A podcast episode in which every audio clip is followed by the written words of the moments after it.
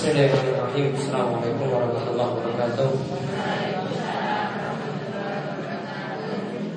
الحمد لله رب العالمين حمدا كثيرا طيبا مباركا فيه كما يحب ربنا ويرضى وأشهد أن لا إله إلا الله وحده لا شريك له وأشهد أن محمدا عبده ورسوله اللهم صل على نبينا وسيدنا محمد وعلى آله ومن تبعهم بإحسان إلى يوم الدين اللهم انفعنا بما علمتنا وعلمنا ما ينفعنا وزدنا علما Alhamdulillah para jemaah ibu-ibu yang dimungkin selalu dirahmati dan diberkahi oleh Allah Subhanahu wa taala.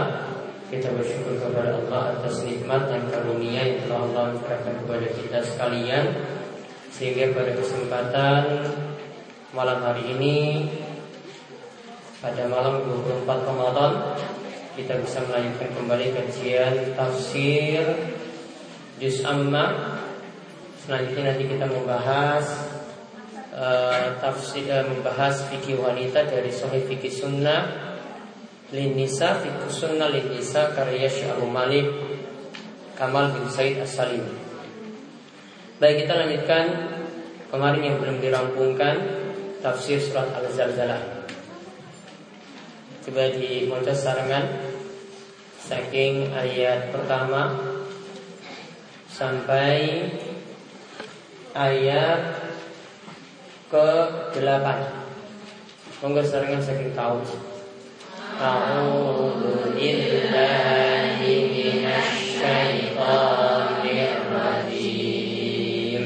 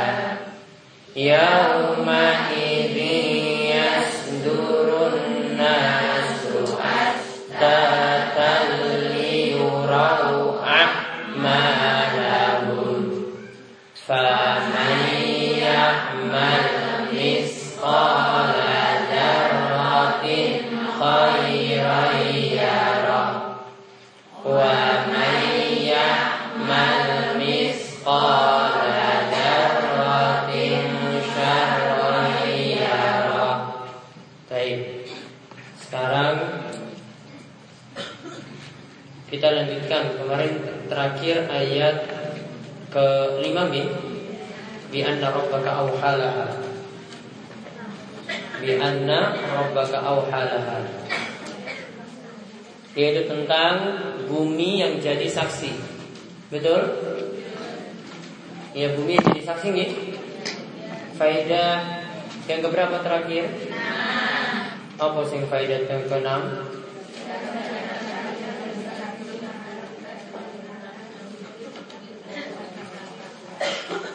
apa Pak Ibu?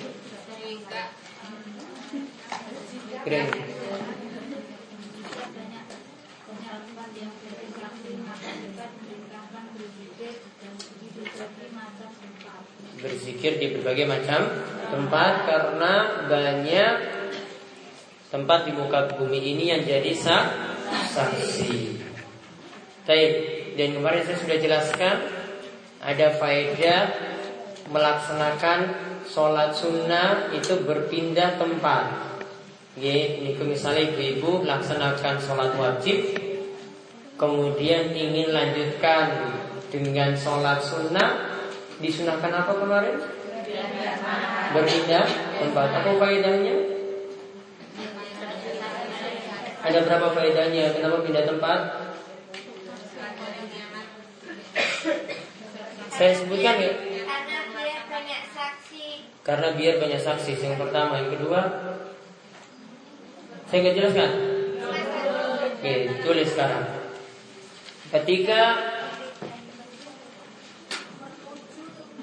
Gini, ini kebutuhan ketujuh. Masih lanjutan yang sebelumnya Gak usah pakai nomor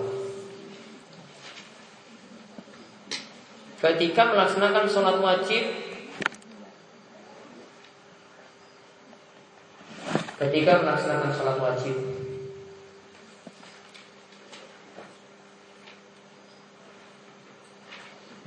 Dan ingin melanjutkan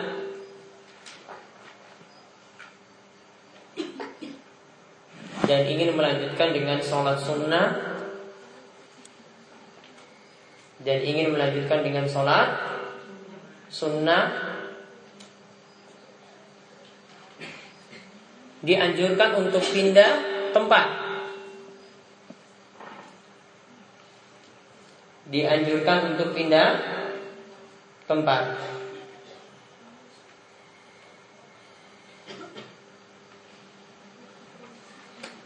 Karena ada dua manfaat.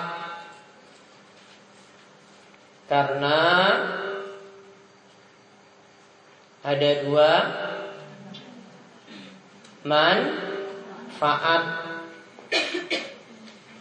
Yang pertama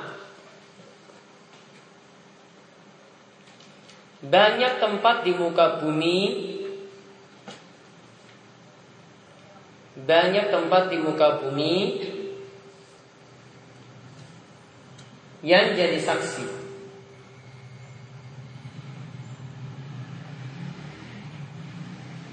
Banyak tempat di muka bumi yang jadi saksi.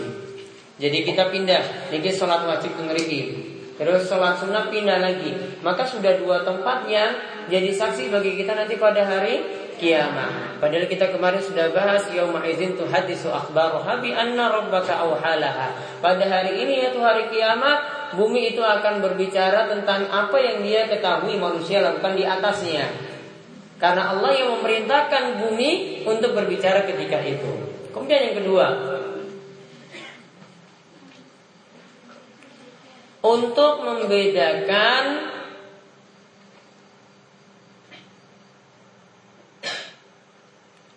Sholat wajib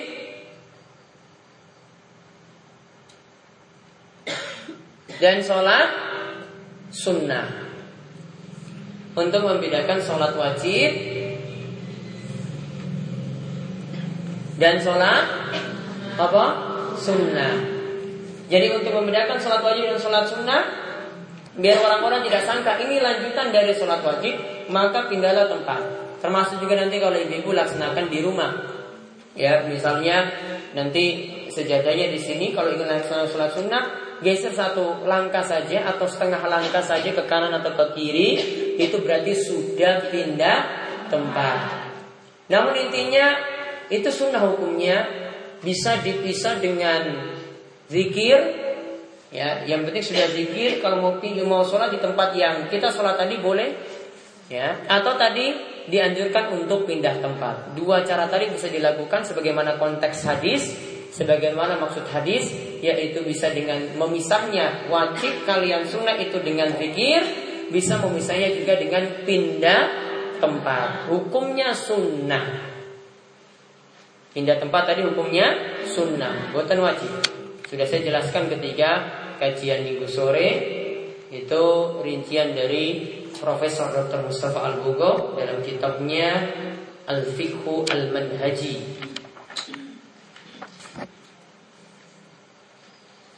Baik. Sekarang kita lihat ayat yang selanjutnya.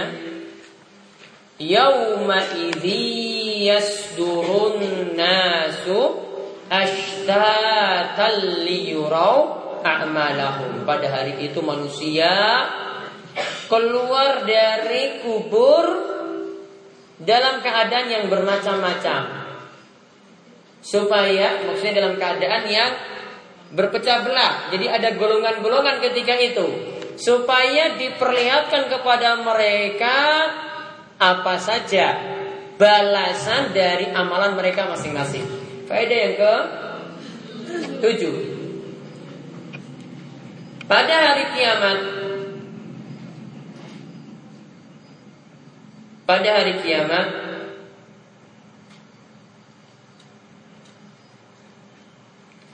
Manusia akan dikelompokkan. Manusia akan dikelompokkan.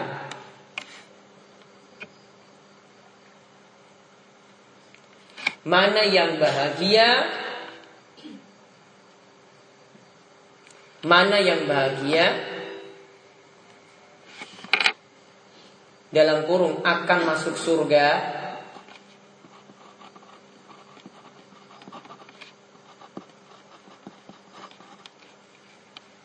Dan manakah yang sengsara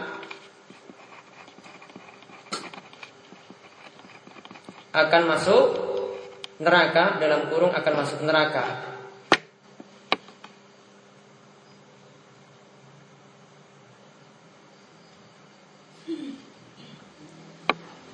Dan ketika itu tidak disatukan. Dan ketika itu tidak disatukan. Mana yang nanti akan jadi penduduk surga sendiri, mana yang nanti akan jadi penduduk neraka sendiri, dia akan disatukan.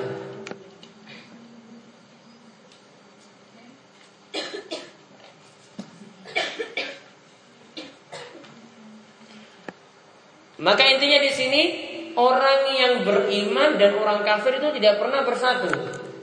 Ya, begitu juga orang yang berilmu dan orang yang tidak berilmu juga tidak pernah bersatu. Allah tidak mungkin jadikan sama. Yang beriman tidak mungkin derajatnya sama dengan orang kafir. Jadi masing-masing punya kedudukan sendiri, masing-masing punya tempat sendiri, golongannya juga sendiri-sendiri. Jadi jangan harap itu bisa disatukan walaupun itu adalah keluarga sendiri. Jadi Nabi SAW tidak mungkin bersatu dengan paman-pamannya yang kafir. Ada paman-paman Nabi SAW yang kafir siapa? Hah? Abu Lahab, Abu Jahal, Abu Talib. Dan kemudian ada juga yang beriman. Siapa yang beriman? Paman Nabi SAW Abbas bin Abdul Muttalib dan Hamzah bin Abdul Muttalib. Abbas bin Abdul Muttalib dan Hamzah bin Abdul Muttalib. Jadi walaupun nanti mereka itu punya hubungan kerabat yang dekat namun sudah berbeda keimanannya maka tidak mungkin bersatu. Ya, namun kalau yang satu imannya maka nanti akan bersatu juga pada hari kiamat. Begitu juga suami istri. Jadi ada suami istri bahkan ini istri para nabi yang mereka berbeda dengan suaminya. Ada Nabi Nuh dan juga Nabi Lut. Ya, Nabi Lut Nabi, Nabi Lut beriman. Namun istri-istrinya adalah istri-istri yang kafir. Sebaliknya ada istri yang beriman, ada suaminya yang kafir, yaitu Asia istri Fir'aun itu beriman. Bahkan dia meminta kepada Allah Subhanahu wa taala ya untuk dibangunkan rumah di surga. Namun suaminya orang yang paling durhaka di muka bumi yaitu Fir'aun. Ya, jadi kalau sudah seperti itu maka tidak mungkin lagi bersatu pada hari kiamat. Yang bisa bersatu itu kalau punya iman yang sama. Baik. Kemudian yang berikutnya lagi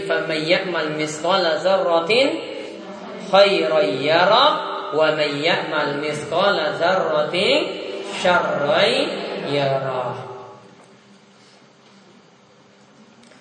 Faedah yang ke Delapan, ini lanjutan yang ayat sebelumnya dulu.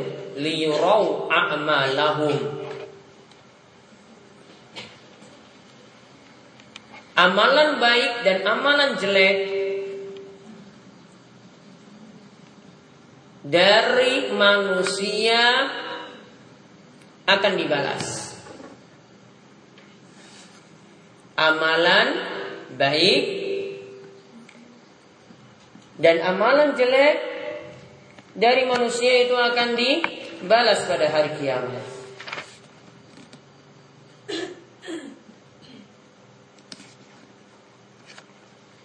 Kemudian baru diterangkan bagaimanakah balasannya? Maka Allah katakan misqala dzarratin Siapa yang mengerjakan kebaikan sebesar zarrah, niscaya dia akan melihat balasannya. Zarrah itu dalam istilah orang Arab untuk benda-benda yang kecil. Ya, Dulu itu kalau zaman sekarang itu kalau benda kecil itu dikenal dengan atom.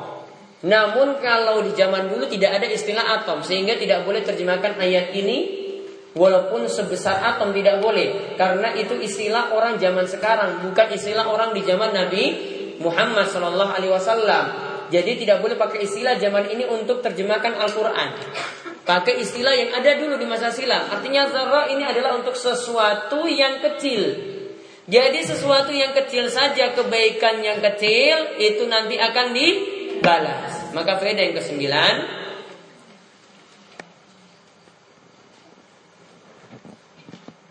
Faedah yang kesembilan. Kebaikan yang kecil.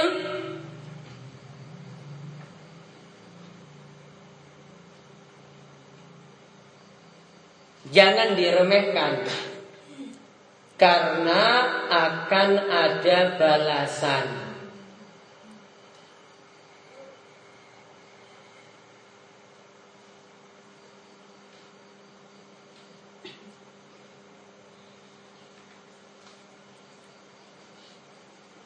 Contoh.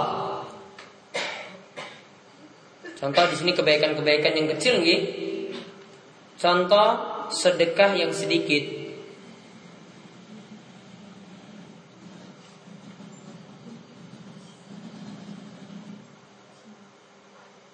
Juga senyum manis di hadapan orang lain.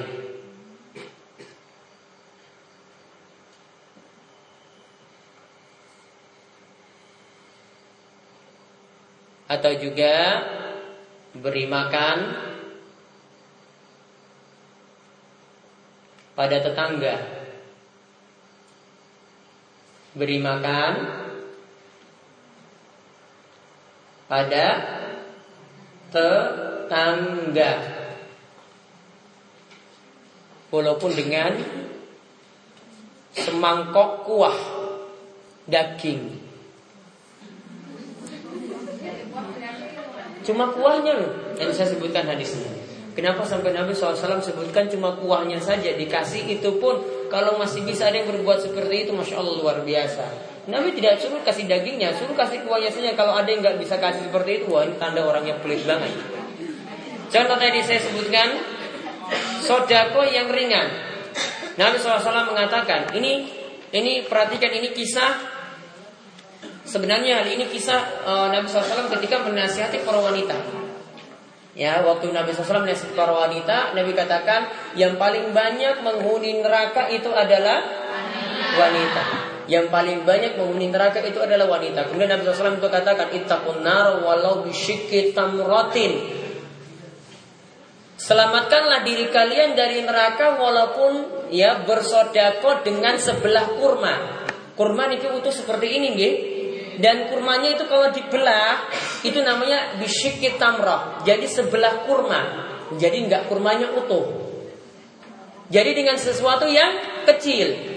Selamatkan kalian dari neraka dengan sodako dengan sebelah kurma seperti tadi. Walau bikalimatin thayyibatin. Dalam riwayat yang lain disebutkan walaupun juga dengan kata-kata yang baik, ucapan atau tutur kata yang baik, yang santun, yang sopan dan seterusnya. Perhatikan kata sodakoh tadi. Maka ketika ini kisahnya para sahabat wanita ketika dengar hadis ini bahwasanya para wanita ketika itu dikatakan banyak yang masuk neraka lalu Nabi SAW perintahkan untuk banyak sodako maka di antara istri para sahabat kalau tidak salah adalah istri dari Ibnu Mas'ud istrinya ini lebih kaya daripada suaminya Ya, istrinya ini lebih kaya daripada suaminya. Ini tanda harta istri dan suami itu sebenarnya baiknya itu dipisah. Makanya ketika itu bisa ditentukan mana antara suami dan istri tadi yang kaya. Istrinya itu lebih kaya daripada suaminya. Maka dia pulang ke rumah kemudian dia bilang sama suaminya, "Suamiku ini saya punya harta yang banyak. Gimana kalau zakat saya saya kasih ke kamu? Kamu mau nggak?" Coba ngecek suaminya toh. Coba suaminya diecek kayak gitu loh. Gimana kalau zakat ini saya kasih kepadamu? Saya nggak usah cari orang-orang lain, kamu saja. Saya lihat kamu tuh kok kere banget itu loh. Nah, coba saking seperti itu coba. Dia karena saking kasihan kepada suaminya daripada dikasih ke orang lain mendingan dia kasih kepada suami. Ini tanda para sahabat kalau sodako mereka itu lebih dahulukan orang dekat daripada orang jauh. Maka kalau orang itu bersodako kepada orang yang dekat pahalanya jadi double, jadi dua. Dia dapat pahala sodako dan dapat pahala jalin hubungan kekeluargaan. Nah tentang hal itu sahabat ini kemudian bilang kepada istrinya, ah, coba kamu tanya dulu kepada Rasulullah Shallallahu ini seperti ini diizinkan atau tidak? Saya terima zakat darimu. Jadi istrinya yang kasih zakat pada suami. Maka ketika itu ditanyakan dan dibolehkan atau diizinkan istrinya ini beri zakat kepada suami. Alasannya kenapa dibolehkan? Karena ingat nafkah itu dari suami kepada istri. Kalau istri yang baik dia berikan kepada suami maka itu dibolehkan karena itu bukan bentuk nafkah. Namun kalau suami berikan zakatnya untuk istri tidak boleh karena suami punya kewajiban untuk beri nafkah. Jadi kalau ingin lebih ya jalur nafkahnya lebih dari su suami. Nggak bisa jalur nafkah dari zakat tidak bisa. Yang ada cuma dari naf nafkah. Jadi intinya tadi dibolehkan. Saking seperti itunya mereka ingin bersodako, semangatnya sodakonya itu ingin berikan kepada suaminya sendiri. Kemudian Tadi yang kedua saya sebutkan lagi ada dengan senyum manis. Nabi SAW itu mengatakan la tahkironna minal ma'rufi syai'an walau antal akhaka bi wajhin Janganlah kalian meremehkan kebaikan sedikit pun walaupun dengan berwajah manis di hadapan saudaramu. Namun ini cukup ibu-ibu dengan ibu-ibu saja, nggak usah ibu-ibu senyum-senyum di depan bapak-bapak. Ini apalagi masih muda-muda bahaya. Iya. Gak percaya seperti itu bahaya. Coba nanti kalau jalan-jalan coba senyum-senyum di hadapan laki-laki, dikira masih muda terus diganggu terus. Kemudian yang tadi saya sebutkan bisa dengan memberikan makan kepada tetangga. Lihat hadis Nabi SAW. Nabi katakan ya nisa al mu'minat. Wahai wanita orang-orang beriman. La tahkiranna jarata li jaritiha walau firsana syatin. Wahai para wanita yang beriman, jangan kalian remehkan berbuat baik kepada tetangga kalian walaupun dengan memberi kaki kambing. Walaupun dengan memberi kaki kambing. Atau dalam riwayat yang lain ini dikatakan sebagai memberi kuah dari dagingnya. Kalau tadi dengan kaki, nggak ada yang pernah mau beli kaki kepada tetangganya. Pasti yang diberi itu apa? Dagingnya dong. Yang beri itu dagingnya. Namun ini sesuatu yang kadang tidak manfaat. Kalau yang ringan seperti ini orang nggak mau beri, berarti untuk yang lebih mahal lagi dia tidak akan memberi. Maka Nabi SAW pakai yang rendah. Karena kalau Nabi SAW suruh yang tinggi-tinggi, oh yang ini saya dia gak mau, ya. Yang rendah saja dia tidak mau, apalagi yang tinggi. Makanya Nabi tawarkan dulu yang rendah. Kamu mau nggak kalau kaki yang ada, kaki kambing yang ada, kamu kasih ke tetanggamu, kamu mau nggak? Kalau kaki saja tidak mau, apalagi daging. Dan dalam riwayat yang lain disebutkan ini maksudnya adalah memberi kebaikan kepada, kepada tetangga, disuruh kita itu memperbanyak kuah. Jadi kalau misalnya lagi masak daging, ya, kuahnya itu dibuat banyak. Kalau kuahnya dibuat banyak kan nanti kuahnya itu nanti ada rasa dagingnya. Nah kuahnya ini yang diberikan pada tetangga. Kalau kuah saja nggak bisa beri, pelit untuk memberinya, berarti ini sudah orang yang pelit kepada tetangga. Maka Nabi SAW kasih standar yang rendah supaya bisa mencari yang tinggi. Karena kalau yang rendah bisa seperti ini, pasti yang mahal-mahal pun dia akan beri. Ini tanda berbuat baik kepada tangga dengan sesuatu yang ringan-ringan, namun pahalanya itu besar. Kemudian yang ayat yang terakhir wa may ya'mal mithqala zarrati syarrayara. Siapa yang berbuat kejelekan walaupun sebesar zarrah maka pasti akan mendapatkan balasannya pula. Maka faedah yang ke 10. Ya, faedah yang ke-10 Jangan sampai meremehkan dosa Jangan sampai meremehkan dosa.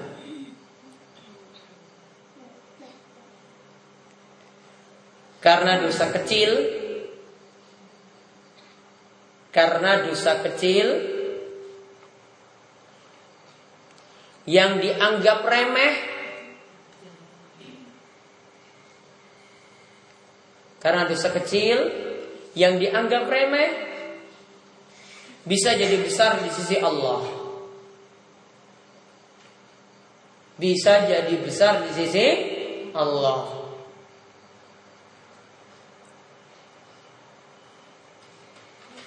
Dan perlu diketahui ini disebutkan oleh Ibnu Qudamah.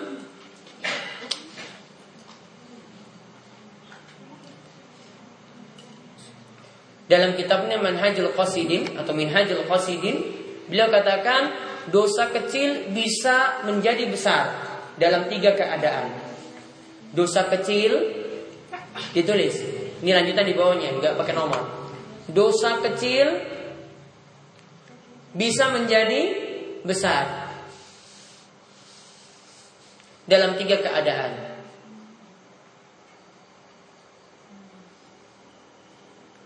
Yang pertama, menganggap remeh dosa.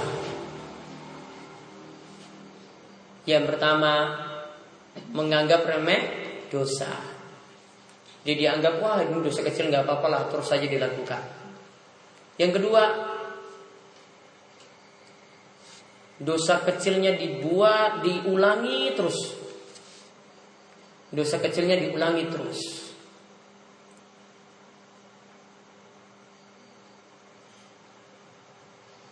Nanti pulang bilang suami ya, taruhlah rokok itu dosa kecil nih. Taruhlah rokok itu dosa kecil. Kalau diulang-ulang terus kecil-kecil tadi, numpuk, numpuk, numpuk, numpuk, akhirnya jadi besar, lebih bahaya.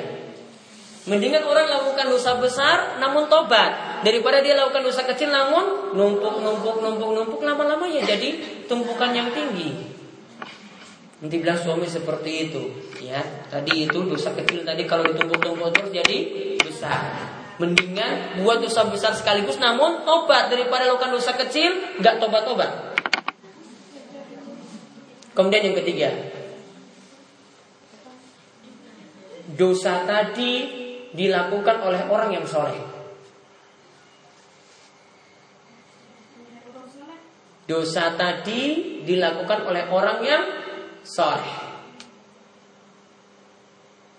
Atau dalam kurung tokoh atau ulama.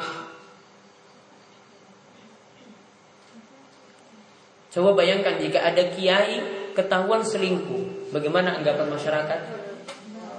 Ya, kiai ketahuan selingkuh misalnya. Yang mungkin dia anggap itu biasa-biasa saja itu jadi besar di mata masyarakat. Ini lebih bahaya daripada orang-orang biasa yang selingkuh.